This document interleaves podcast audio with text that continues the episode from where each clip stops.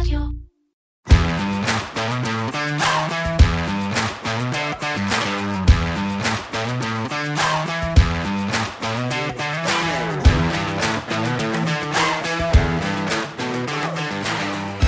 את הפרק של היום נתחיל בחדשות טובות. מגיע לנו, חדשות מעודדות. אז אם הכל ילך לפי התוכניות, הריבית בישראל לא תעלה עוד. כן, כן, הרמה הנוכחית של הריבית, שנקבעה רק השבוע על 4.75 אחוזים, היא גם הגבוהה ביותר שנראה בתקופה הקרובה. ומה החדשות הפחות טובות? אז דבר ראשון, הסיכוי שילך, שהכל ילך לפי התוכניות, לא גבוה במיוחד. וגם, בזמן שאנחנו מתרפקים על זה שהריבית לא תעלה יותר, במקומות אחרים ובכלכלות אחרות בעולם, הורדת הריבית קרובה מתמיד, במיוחד בארצות הברית. ועל כך אנחנו נדבר היום בעיקר אה, בפרק נוסף של פודקאסט מנועי הכסף של כלכליסט, עם הכלכלן והאסטרטג הראשי של פסגות, אורי גרינפלד. אהלן אורי. אהלן שי. אה, טוב, אז אה, נתחיל, אנחנו חוזרים אה, אה, אה, אחרי הפסקה של אה, שבוע אה, עם דברים בוערים, ומה זה בוערים? אה, אה, לוהטים. כן, אה, שבוע מעניין היה. אה, כן, ואנחנו מדברים על הכלכלה? גם. אה, אוקיי.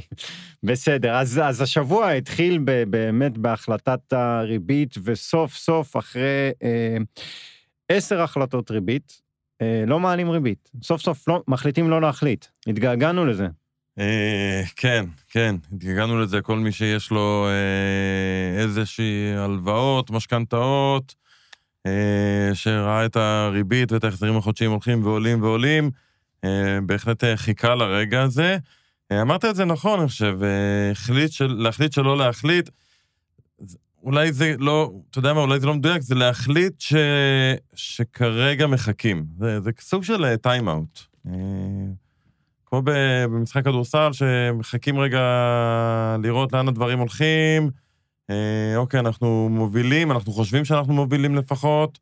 אה, בואו נעצור רגע, נת, נתאושש, אה, ניתן לה, נכניס את הצעירים. יש את השלב הזה שמכניסים כן. את השחקנים פחות טובים, נראה לאן המשחק הולך.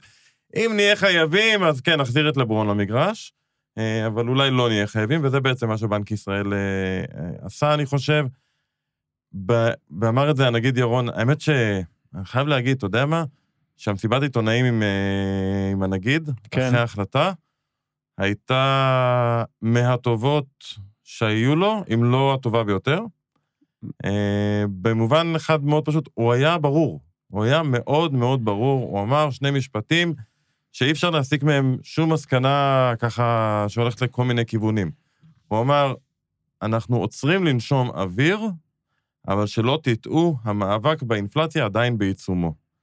וזה בדיוק הרעיון. הגענו לרמת ריבית, ובואו נבין איך בנק מרכזי עובד רגע. בנק מרכזי, יש לו אה, כלכלנים, והכלכלנים האלה מריצים מודלים שבנויים על אה, מודלים, שבנויים על התיאוריה הכלכלית, והמודלים האלה מראים למשל לבנק ישראל, שברמה של ריבית של 4.75, אם זאת רמת הריבית, ואנחנו מעריכים שהכלכלה תתנהג ככה וככה, אז בהסתברות יחסית גבוהה, האינפלציה תרד לכיוון היעד במהלך, נגיד, הרבעון השני של 2024. אוקיי. זה, זה בעצם התוצאה של המודל. בהינתן הרמה הזאת, לשם תגיע האינפלציה. וכנראה שבבנק ישראל, במודלים שהם הריצו, הם מניחים, אה, הם מקבלים בעצם, שברמת הריבית הנוכחית, אם לא יהיו הפתעות, אנחנו אמורים לראות את האינפלציה ממשיכה לרדת וחוזרת לתוך הטווח ב-2024. הטווח של בנק ישראל, כידוע, זה בין אחוז לשלושה אחוזים, אה, ולכן כרגע הם עוצרים. אמר אבל ירון, יכולות להיות הפתעות. הפתעות יכולות להיות משני כיוונים. הפתעה אחת, וגם הוא ציין גם את זה בצורה מאוד ברורה, פעם אחר פעם, ישנו גורם סיכון משמעותי לתחזית הזאת. כשאומרים גורם סיכון לתחזית, זה מה יכול לקרות שהתחזיות שלנו לא יתממשו, וזה כמובן כל נושא אה, הרפורמה, ההשפעות שיכולות להיות לרפורמה, בעיקר על שער החליפין. שער החליפין משפיע ישירות על האינפלציה, ואז הוא אומר, אם הפרמיית סיכון של, בשוק המטח ימש... יגדלו עוד פעם, ונראה את השקל נחלש, אז מה שקיבלנו בעצם במודלים לא רלוונטי, אנחנו נקבל עוד אינפלציה, ואז לא תהיה ברירה, אלא להעלות את הריבית שוב. הוא אפילו כימת את זה במספר, הוא אמר, זה תורם אה, אה, אחוז אחד לאינפלציה. כן, זה הם כבר עשו בהחלטה הקודמת, שחררו מסמך שלם בדיוק שמעריך לא רק אה, כמה זה על האינפלציה משפיע, אלא כמה זה יכול לפגוע בתוצר. עשו עבודה שלמה על הנושא בבנק ישראל ופרסמו. אה, בגדול, החישוב הוא די פשוט, האמת, על כל התמסורת בין שער חליפין, בין שער אה, שקל דולר לאינפלציה, זה 1 ל-10. אז אם לפי בנק ישראל השקל פוחת ב-10% מעבר למה שהוא היה צריך להיות, לפי הגורמים הכלכליים, אז יש פה תוספת בעצם של 10% לשער חליפין, שנובעים רק מהסיפור של אי-הוודאות סביב הרפורמה, אה, אז זה לבד הוסיף לנו כאחוז לאינפלציה. עכשיו, צריך להגיד, יש עוד גורמים שיכולים לשנות את התחזית, שיכולים לגרום לזה שתחזית לא תתממש. למשל, אם בעולם אה, האינפלציה תחזור, אה, אחרי שהיא כבר התחילה לרדת, אז כמובן שזה ישפיע על ישראל, אנחנו הרי מייבאים לא מעט מוצרים מחו"ל, אם המחירים שלהם יחזרו לעלות, הם, יחזרו, הם יעלו גם בישראל. יכולים להיות גורמים אחרים, למשל בשוק העבודה, או שהאטה כלכלית חריפה מדי, יכול להיות למשל בשוק הנדל"ן, שאנחנו רואים שם האטה מאוד חריפה כבר תקופה ארוכה, פתאום שזה אולי יחמיר, זה דווקא יגרום להאטה יותר, יותר מהירה באינפלציה. זאת אומרת, האינפלציה כן. תרד יותר מהר. בסוף תחזית היא תחזית, יש גורמי סיכון לפה ולפה, אה, אבל בנק ישראל בא ואומר, כרגע נראה לנו שהרמת ריבית הזאת תספיק. זה לא יוריד את האינפלציה מחר ל-3%. אבל זה כן מייצר לנו תוואי של אינפלציה יורדת לכיוון מרכז היד, וזה מה שבנק ישראל רוצה לראות. צריך גם לזכור, היעד האמיתי של בנק ישראל, כמו שזה רשום בחוק בנק ישראל, היעד הוא בעצם לשמור על יציבות מחירים.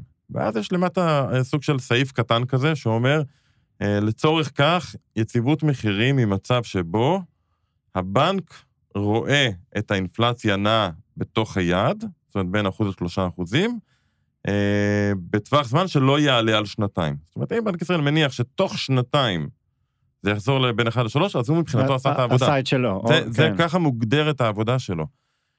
אה, כמובן שיש גורמי סיכון, ולכן זה מוגדר עדיין כפסק זמן. החלטת הריבית הבאה אה, זה בתחילת ספטמבר, ברביעי בספטמבר. עד אז יהיו לנו עוד שני מדדים.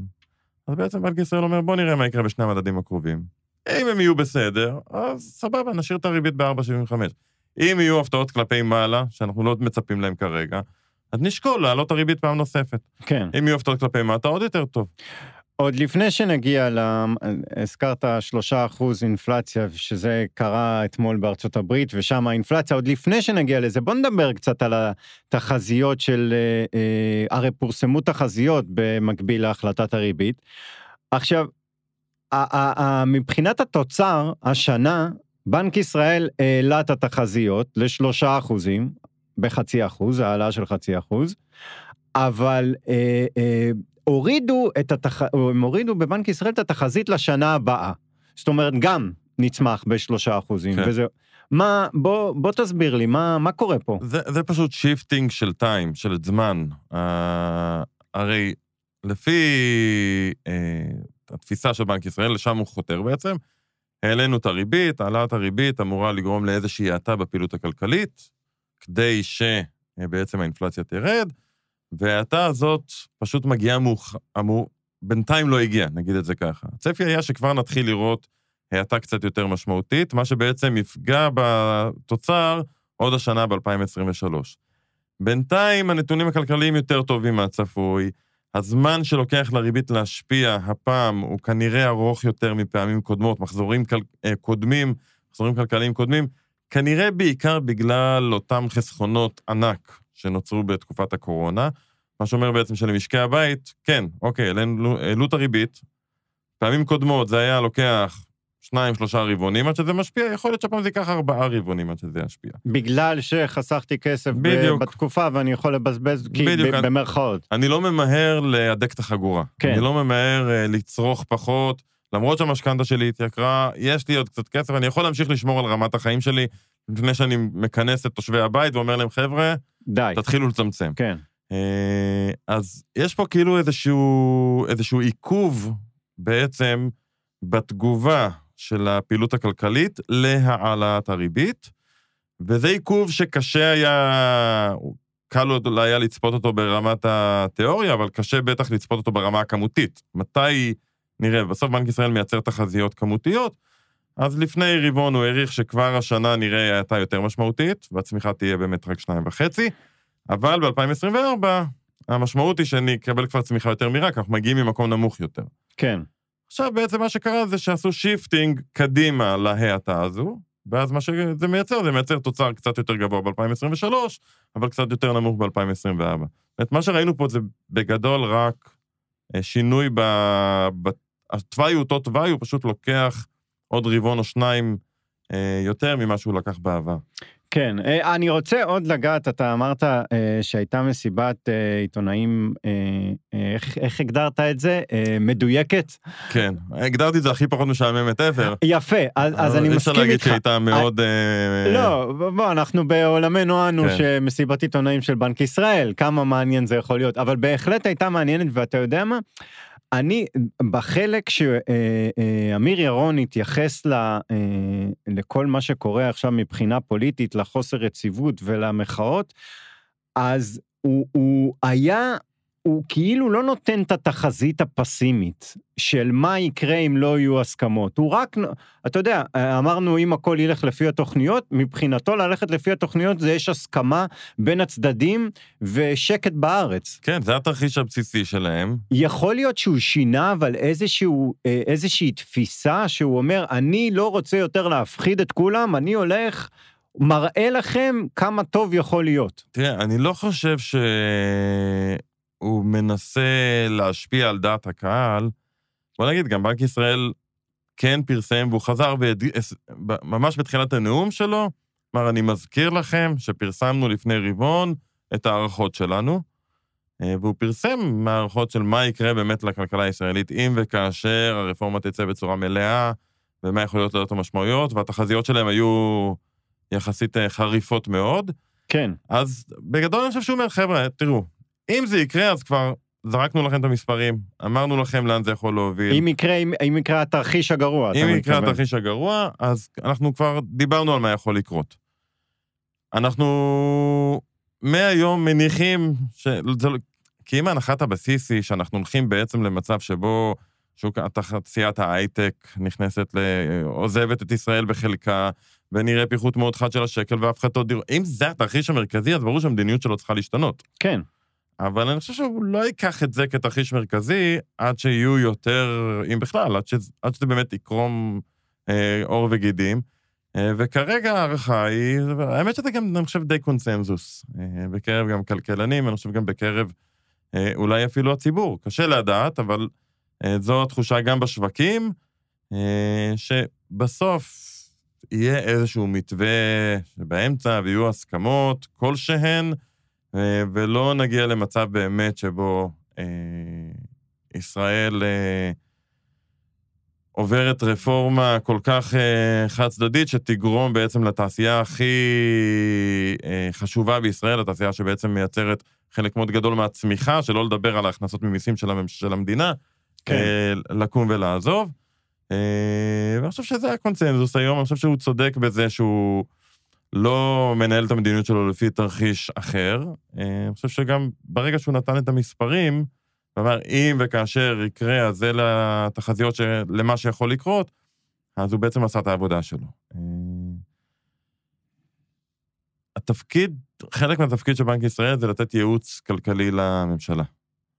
אה, אני חושב שבמקרה הזה, אם אני משווה את זה לנגידים קודמים, פישר למשל היה מאוד מאוד מעורב והרבה יותר פוליטי. אה, וכן, גם ביקר את הממשלה, אבל גם עבד המון עם הממשלה. אה, לשני הצדדים. כן. לעצור אותם ולעזור להם. קרנית פלוג, בתקופתה רוב הזמן הריבית הייתה אפס, והיא כן חזרה ונתנה בעצם ייעוץ, אפשר לקרוא לזה כלכלי, לממשלה, בעיקר ליעדים ארוכי הטווח, שבסוף זה כנראה גם הכי חשוב מבחינת קבלת החלטות של מדיניות. אה, כן, היא דיברה גם איתנו על זה, על נכון, שוק העבודה ועל אה, מגזרים. הפריון כן. ומגזרים, שזה בסוף, אם אתה רוצה להסתכל על איך ישראל תראה בעוד 30 שנה, ומה הצעדים שאתה צריך לקחת היום כדי להגיע לאן שאתה רוצה שישראל תהיה בעוד 30 שנה, אז אלו הדברים שצריך לעשות, ואני חושב שבמובן הזה אה, קניפלוג כן הייתה מאוד מעורבת. אה, אני חושב שאמיר ירון, עוד פעם, אנחנו לא יודעים מה קורה מאחורי הקלעים, צריך להגיד. כן. באמת לא יודעים, וברור שיש שיחות כל הזמן בין בנק ישראל אה, לממשלה ולאוצר. אני מקווה אבל אני שיש שיחות חוש- כל הזמן אני- בין בנק ישראל. כן. אבל אני חושב שמה שאנחנו רואים זה יותר, כרגע לפחות, בממשלה הנוכחית, הרמת תמרורי אזהרה. כי אולי בעת הנוכחית לבוא ולהיכנס ל... אלה הצעדים שאתם צריכים לעשות כדי לשפר את המצב. יש לנו כרגע איזשהו סיפור מאוד גדול על הפרק, שבנק ישראל כיועץ כלכלי מרים תמרורי אזהרה, אם תעשו ככה וככה וככה, זה מה שעלול לקרות. אתם יכולים לקחת את העצה שלי, אתם יכולים לא לקחת את העצה שלי, אבל אלה הערכות המקצועיות שלי. אה, להתחיל עכשיו ולהיכנס ליותר פרטים ולעבוד עם הממשלה על דברים אחרים, זה כאילו לא רלוונטי כרגע. כן. זה, זה, זה סיפור גדול מדי, שקודם כל צריך אה, לתת עליו את הדעה, ועל זה, ואת זה הוא עשה. את כן. זה בנק ישראל עשה. אני חושב במובן הזה אה, הם עשו את העבודה שלהם. כן. אוקיי, בוא נדבר על אה, אה, טיפה על ארצות הברית ועל אה, מה שקרה שם אתמול. אה, ב... אתה יודע מה? אה, אה, בוא, בוא, הכותרת היא שהאינפלציה השנתית בארצות הברית נמוכה מהתחזיות המוקדמות אפילו, שגם הם ציפו לירידה חדה באינפלציה. למה נתייחס? מה המספר הכי מעניין? המספר המעניין הוא שהאינפלציה היא ירדה לשלושה אחוזים שנתי, או שבחודש יוני העלייה החודשית היא 0.2 אחוזים. איפה שלא מסובבים את זה, המספרים טובים. אפילו אה, אינפלציית הליבה אה, היא מספרים טובים. המספר שאני חושב שצריך לקחת אותו, אה, והוא הכי חשוב בנתון של היום, זה שהאינפלציה במדד שירותי הליבה ללא דיור, אני אחזור, מדד שירותי הליבה ללא דיור. מה, מה הכוונה? אוקיי. למה, אגב, אגב, זה המדד שפאוול, והוא אמר את זה פעם אחרי פעם, זה מה שמעניין אותנו היום. מה זה מדד שירותי הליבה ללא דיור? יש לנו ב... אה, המחירים לצרכן בעצם בודק את המחירים הרי של סל צריכה ממוצע, של, של משפחה אמריקאית ממוצעת. כן. בתוך סל הצריכה, קודם כל נחלק לשתיים. יש מוצרים ויש שירותים. שירותים זה יכול להיות שירותי חינוך, שירותי בריאות, שירותי תיירות, שירותי דיור, כל מה שהוא בעצם לא מוצר. אה, הפד בא ואומר כבר תקופה ארוכה, המוצרים לא מעניינים אותי, המוצרים עלו מאוד בחדות, והם יורדים עכשיו בגלל בעצם שסיימנו את הקורונה, ובאמת אנחנו רואים רכבים, ריהוט, כל הדברים האלה, מחירים מאוד מאוד יורדים. אז הוא אומר, זה לא מעניין אותי, זה לא מלמד בעצם על המצב הכלכלי, כש... אני חושב כמעט 70 אחוז בעצם מהמדד זה הצד של השירותים, לא הצד של המוצרים. וזה מה שחשוב. והשירותים, ממה הם מושפעים? מה גורם ייצור העיקרי בשירותים? זה בעצם כוח האדם. כוח האדם, מה שמשפיע עליו זה בעצם עלייה בשכר. לכן בעצם הפד, מה שהוא מנסה לעשות זה להשפיע על שוק העבודה, כדי שהקצב של הגידול בשכר לא יהיה מהיר כמו שהוא היום, וזה יגרום בעצם לאינפלציה לרדת מכיוון השירותים. והוא עדיין מהיר היום? יפה. אז עד היום מה שראינו בארצות הברית, ראינו את הצד של המוצרים, מחירים, את האינפלציה יורדת ויורדת מאוד מאוד מהר, בחלק מהמוצרים בכלל יש כבר אינפלציה שלילית, זאת אומרת ירידת מחירים, ובצד של השירותים לא ראינו עדיין בכלל אה, ירידה. עכשיו הפד עוד יותר מדייק את העניין הזה, הוא אומר, שירותים, אני מסתכל על שירותי ליבה, שירותי ליבה זה בלי שירותי מזון אה, או אנרגיה או דברים כאלו, כי זה מושפע כמובן מעלייה וירידה במחירי הסחורות, זה פחות מעניין אותי. ולא רק שאני מסתכל רק על השירותים של מדד הליבה, אני מסתכל גם, אני מנטרל את הדיור. למה הוא מנטרל את הדיור? כי הפד בא ואמר, אנחנו כבר תקופה די ארוכה, תשעה חודשים ברציפות, רואים ירידה במחירי הדירות בארצות הברית.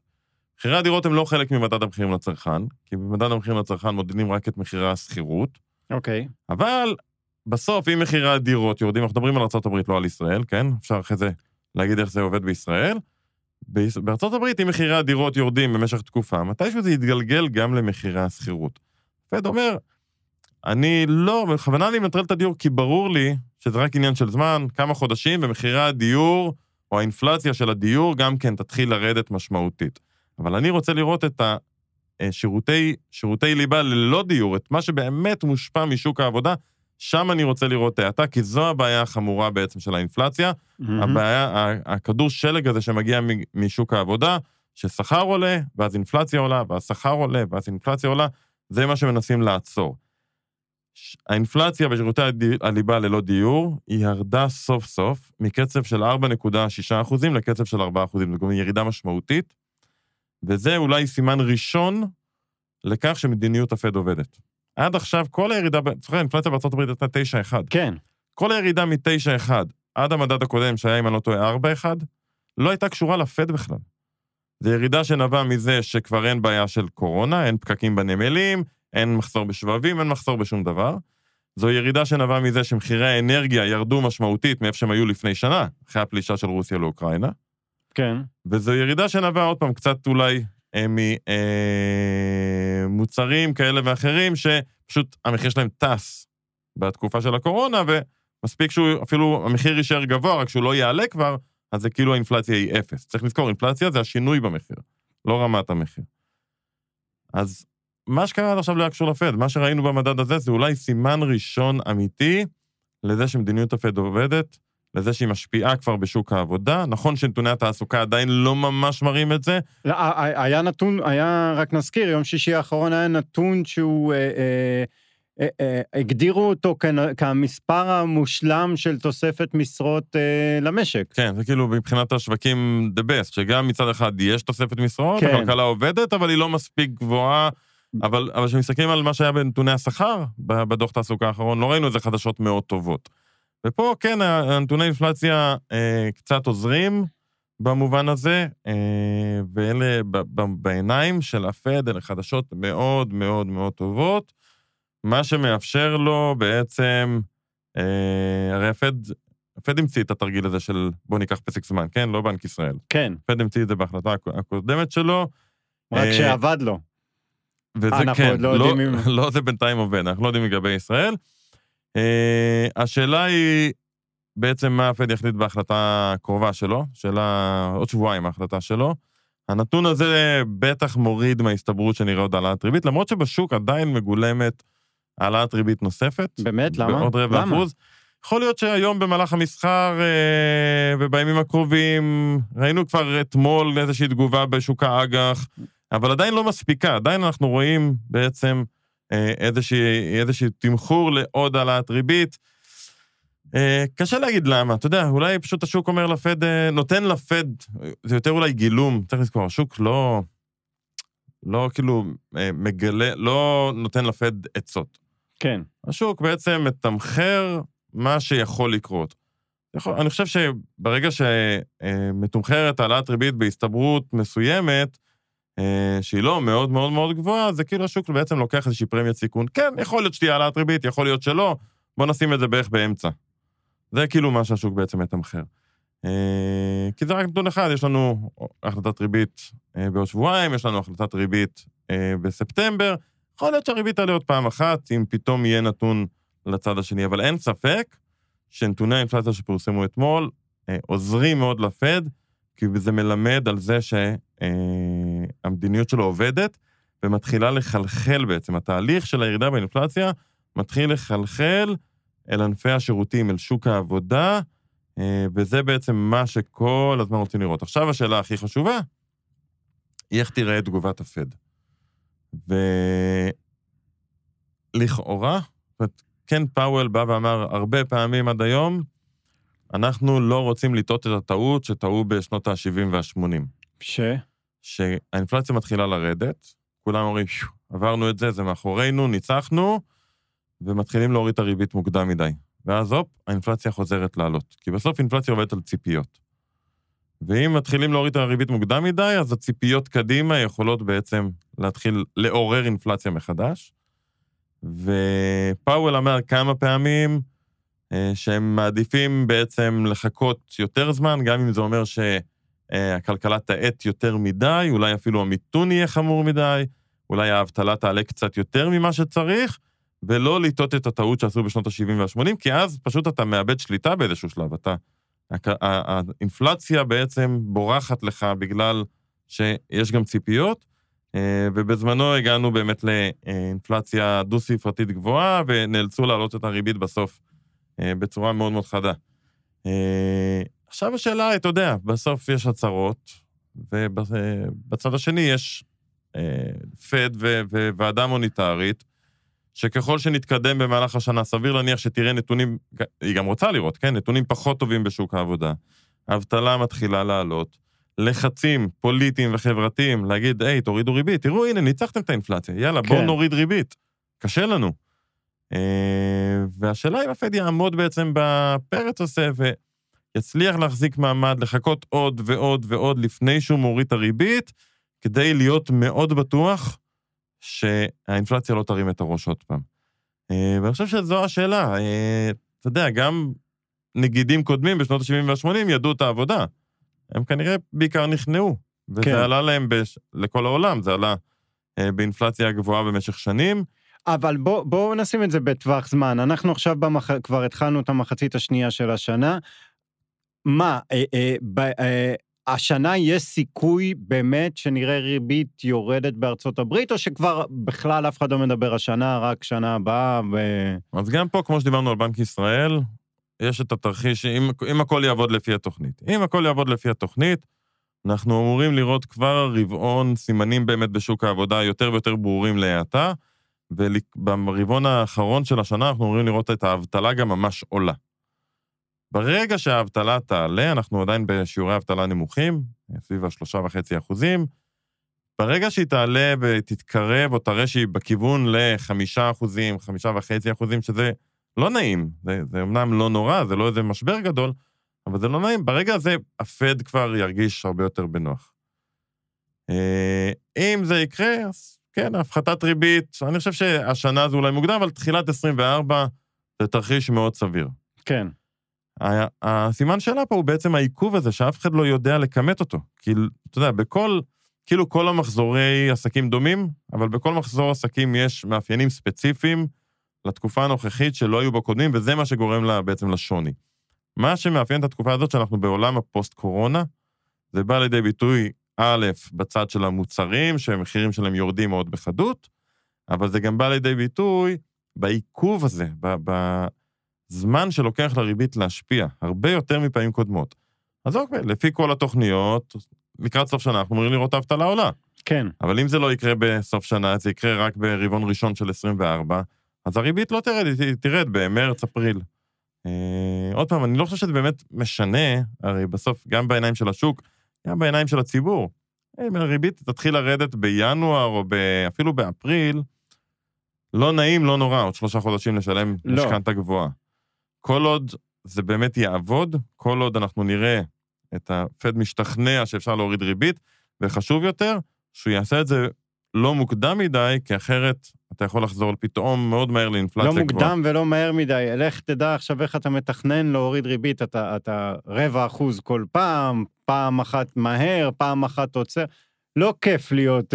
לא, אה, לא קל בכלל להיות בנק לא מרכזי, קל. והאמת, היסטורית, ריבית בדרך כלל עולה לאט, יורדת מהר, אה, אבל בדרך כלל מורידים ריבית כשנוצר משבר. לא צפוי אם זה ב-2008. ובגלל זה מורידים מהר? כן, כי נגיד שב-2008 המצב כל כך גרוע שאתה חייב להוריד את הריבית מאוד מהר, או בתחילת שנות האלפיים עם הדוט קום. כל התרחישים שאנחנו מציירים הם תרחישים שבהם אין משבר. כן. שזה גם כן, אתה יודע, מתישהו יהיה משבר. כן. אה, אז כל התרחישים אנחנו מציירים כאילו יש מחזור כלכלי והכול נעים ונחמד, אין, אין דרך אחרת לייצר תרחיש. אתה לא יכול להניח סתם ככה שבמרץ 2024 משום מה יהיה משבר. לא קל, לא קל. להוריד את הריבית בצורה כזו שמצד אחד תתמוך בכלכלה, מצד שני לא תייצר לנו לחצים אינפלציוניים חדשים, זה תהליך מורכב. איכשהו, אבל יש תחושה כאילו אה, אה, אה, יש יותר חוסר ודאות בישראל מאשר בארצות הברית, זו הנחה הגיונית. חד ו... משמעית. קודם כל בישראל, דיברנו על זה כמה פעמים, בישראל יותר קשה להוריד את האינפלציה. כן. יש לנו שוק נדל"ן שהוא לא משוכלל, גמיש ודינמי כמו שוק הנדל"ן האמריקאי. אמ, בארצות הברית אנחנו רואים כבר לא מעט חודשים ירידות מחירים, אז פה היה לנו חודש אחד של ירידה של 0.2. כן. אה, אז בטח כשאתה מדבר על השכירות, שצריך לראות את שוק הדירות, מחירי הדירות יורדים, עד שזה מתגלגל לשכירות. אה, בארץ זה כנראה ייקח יותר זמן. על זה יש לנו את כל האי-ודאות. עוד פעם, בכל מקום בעולם, היום אנחנו בתקופה גלובלית של אי-ודאות, כן? זה לא שרק פה יש צרות, אבל מבחינת ההשפעה האינפלציונית, לצרות פה יש יותר השפעה. כן. אה, בגלל הנושא של שער חליפין, כן. והתמסורת הגבוהה שיש בין שער חליפין אה, ל- לאינפלציה, וזה, אני חושב, בסוף מוסיף עוד איזושהי פרמיה מבחינת המדיניות של בנק ישראל, פרמיית סיכון, אה, ולכן, גם אם הברית יורידו את הריבית ינואר, פברואר, מרץ, 24, אה, בישראל כנראה זה יקרה אחרי. ועוד פעם, מסיבת העיתונאים, אנחנו כל פעם חוזרים לאותה מסיבת עיתונאים. אה, אני לא יודע אם נפלט לנגיד, זה לא היה נשמע כאילו תכנן להגיד את זה, הוא בתוך איזושהי תשובה לאחת השאלות של העיתונאים, הוא אמר, אבל הוא אמר את זה בביטחון, אה, וכנראה זה חלק מה- מהתחזיות או התוכניות של הבנק, הוא אמר, תראו, כי כל הזמן שאלו אותו, רגע, תעלו עוד פעם, לא תעלו עוד פעם, הוא אמר, תראו, גם אם נעלה, גם אם לא נעלה, גם אם התרחיש המרכזי שלנו יתממש והכל בסדר, חשוב לקחת בחשבון שאנחנו נישאר ברמת הריבית הגבוהה הזאת כנראה אלף, כמעט שנה. כן. זאת אומרת שכנראה, גם אם הכל בסדר, הריבית בישראל לא תרד לפני, אתה יודע מה, נהיה הכי פחות שמרנים שיש, אה, פסח 2024. מאי, יוני אולי נתחיל לראות ריבית יורדת, בתרחיש שהכל מסתדר פיקס כמו שצריך. כן. אה, וזה, אני חושב, בסוף, לנו כצרכנים, אה, גם בשוק, כמובן, אבל בטח אה, אה, למשקי הבית, לעסקים, זה הרבה יותר חשוב. אם אני רוצה היום לקחת משכנתה, או אם יש לי משכנתה ואני שואל את עצמי למחזר אותה. או צד שני, אם יש לי כסף ואני רוצה לסגור אותו בפיקדון. מציעים לי פיקדון לחודש, מציעים לי פיקדון לחצי שנה, לשנה, ריבית קבועה, ריבית משתנה. אה, הרבה יותר חשוב העניין הזה של לא לצפות להפחתת ריבית, אני חושב לפחות עד אפריל 2024, מאשר אם הריבית תהיה 4.75 או 5 אחוזים בכמה חודשים הקרובים. יש כן. לזה הרבה יותר משקל מבחינת ההחלטות, כי זה בעצם עוד רבע אחוז או לא עוד רבע אחוז, אבל זה למשך שנה שלמה. אה, ולכן, אה, אם הייתי לוקח משהו מהמסיבת עיתונאים, או בכלל מההחלטה של בנק ישראל, זה הרצינות, אגב, גם אצל הפד. הוא אמר את זה כל כך הרבה פעמים, והשוק לא הקשיב לו, עכשיו השוק סוף סוף משלים עם הפד. אה, איך הם אמרו את זה? higher for longer. כן. כל הזמן הם חזרו על הדבר הזה בפד. הריבית תישאר גבוהה למשך הרבה זמן, כי יש לנו מטרה מאוד ברורה, והיא להרוג את האינפלציה, לא להוריד אותה. לחנוק אותה, שלא תרו, ת, תרים את הראש שלה חזרה, אנחנו לא מוכנים להיכנס לפלונטר הזה יותר, אה, והמשמעות היא שאנחנו כנראה עוד תקופה ארוכה בריבית גבוהה. אוקיי, אה, עד כאן החלק הזה, נעבור לחלק האחרון שלנו של הדבר המוטרף שקרה השבוע ואולי לא שמתם אליו לב. אה, אני אתחיל השבוע. בבקשה. אני נתקלתי בסרטון, בריאיון, שעשו בדיוק לפני עשר שנים עם אה, בזוס, עם ג'ף בזוס, המייסד של אמזון. ומישהו פרסם את זה מ, אה, אה, ב- ברשתות, ושאלו אותו אה, שאלה בדיוק לפני עשר שנים, תגיד, אה, מה יהיה עוד עשר שנים? והוא ענה תשובה אה, מדהימה, לא יודע, יכול להיות שיש אנשים ששמעו את הרעיון הזה, זה היה איזה כנס של AWS לפני עשר שנים, הוא אמר, תקשיבו, אל תשאלו אותי מה השתנה, מה ישתנה בעשר שנים הבאות, תשאלו אותי מה יישאר אותו דבר. ועל זה הוא אמר, אני מבסס את העסק שלי, את, אה, את אה, אמזון. הוא אומר, אין לי ספק שעוד עשר שנים מהיום, זה הוא אמר לפני עשר שנים, הלקוחות שלי ירצו לקבל את המוצרים כמה שיותר מהר ובמחיר יותר נמוך. ואתה יודע מה? אחלה טיפ יש- לעתיד. אם יש- שואלים אותך AI, מה ישתנה ב-AI? עזוב מה ישתנה, מה יישאר אותו דבר? תשקיע בזה. יש היגיון עסקי בזה. אה, הוא מבין עסקים, אתה אומר? כן, מסתבר. אה, מצחיק, גם אני, אה, משום מה הסיפור שלי הוא על אמזון. אה, אתה יודע, אתמול הסתיים הפריים דיי כן. של אמזון, אה, וקצת חיפשתי, כי אני זוכר, זה התחיל ב-2015, הסיפור הזה של פריים דיי. זה היה יום הולדת מה זה, לאמזון. יו- יום הנחות, זה נכון? יומיים יום- כאלו שבהם יש הנחות מאוד מאוד חדות לכל מי שמחזיק בעצם, ב- שיש לו את האמזון פריים. כן. אה, וזה התחיל ב-2015, אני זוכר שהיה, אני לא זוכר, אני חושב שזו הייתה יום הולדת לאמזון או משהו כזה.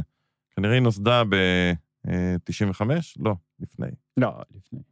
אוקיי. אני זוכר שהייתה איזושהי יום הולדת לאמזון, והם הודיעו בצורה חגיגית, אנחנו עכשיו נעשה כל שנה, היום הולדת שלנו נקרא לזה Prime Day, ויהיו הנחות מאוד מאוד גדולות, ויום אחד אנחנו נהיה גדולים יותר מ Black Friday, שזה כמובן חג הקניות האמריקאי הגדול. כן. והסתכלתי על הנתונים של באמת כמה קניות היו אונליין במהלך היומיים אה, של ה Prime Day, אה, ואמרנו שהוא איש עסקים טוב. כן. הוא ניצח את ה Black Friday. אה, כן? כן. אה, לפי הערכות, עוד פעם, זה הכל כרגע עדיין בגדר הערכות, זה עוד לא נתונים סופיים. 2020 ו... סליחה, אנחנו יש לנו נתונים ל-2022, את הערכות של השנה אין לנו עדיין. ל-2022 יש אה, היקף הרכישות ביומיים האלה של Prime Day היה 12.1 מיליארד דולר, כשב Black Friday היה 9.2 מיליארד דולר, רכישות אונליין, אני מסתכל רק על האונליין כמובן. וזה אמזון לעומת רכישות אה, בהכל. בכל, בכל האתרים שהם, כן. כן. רק אונליין, אני לא מדבר על כן. קנייה לחנויות, כי אנחנו נשווה תפוחים לתפוחים. אה, מה שמדהים זה שאתה רואה בקפיצה של המספרים מ-2015, אתה רואה את הזינוק של הקורונה. זאת אומרת, אם אתה אה, משווה, ב-2015 זה היה פחות ממיליארד, 900 אה, מיליון דולר בשנה הראשונה של הפריים דיי, מ-2015 ל-2019 זה גדל משמעותית, מנגיד אה, מיליארד, עוד פעם 900 מיליון, ל-7.2 מיליארד, גידול מאוד מאוד יפה, אבל בשלוש השנים האחרונות, וזה חלק גדול מזה, זה כמובן מה שהקורונה עשתה, ויותר ויותר קונים ומוכרים אונליין, כן. זה קפץ מ-7.2 מיליארד ל-12.1 מיליארד ב-2022, ואני מניח שהנתונים של השנה היו עוד משמעותית יותר גבוהים, אה, ובאמת, הרעיון הזה של לבוא ולייצר, כאילו ייצר חג חדש. כן. לצורך העניין. אתה יודע, אנחנו מדברים על הקואופרטיבים שהפכו להיות כמו מדינות וכן הלאה. אז הנה, למדינה יש אה, מועדים וחגים. לגמרי. אבל גם לאמזון יש מועדים וחגים. אוקיי, תודה רבה שהאזנתם לנו, נשתמע בשבוע הבא.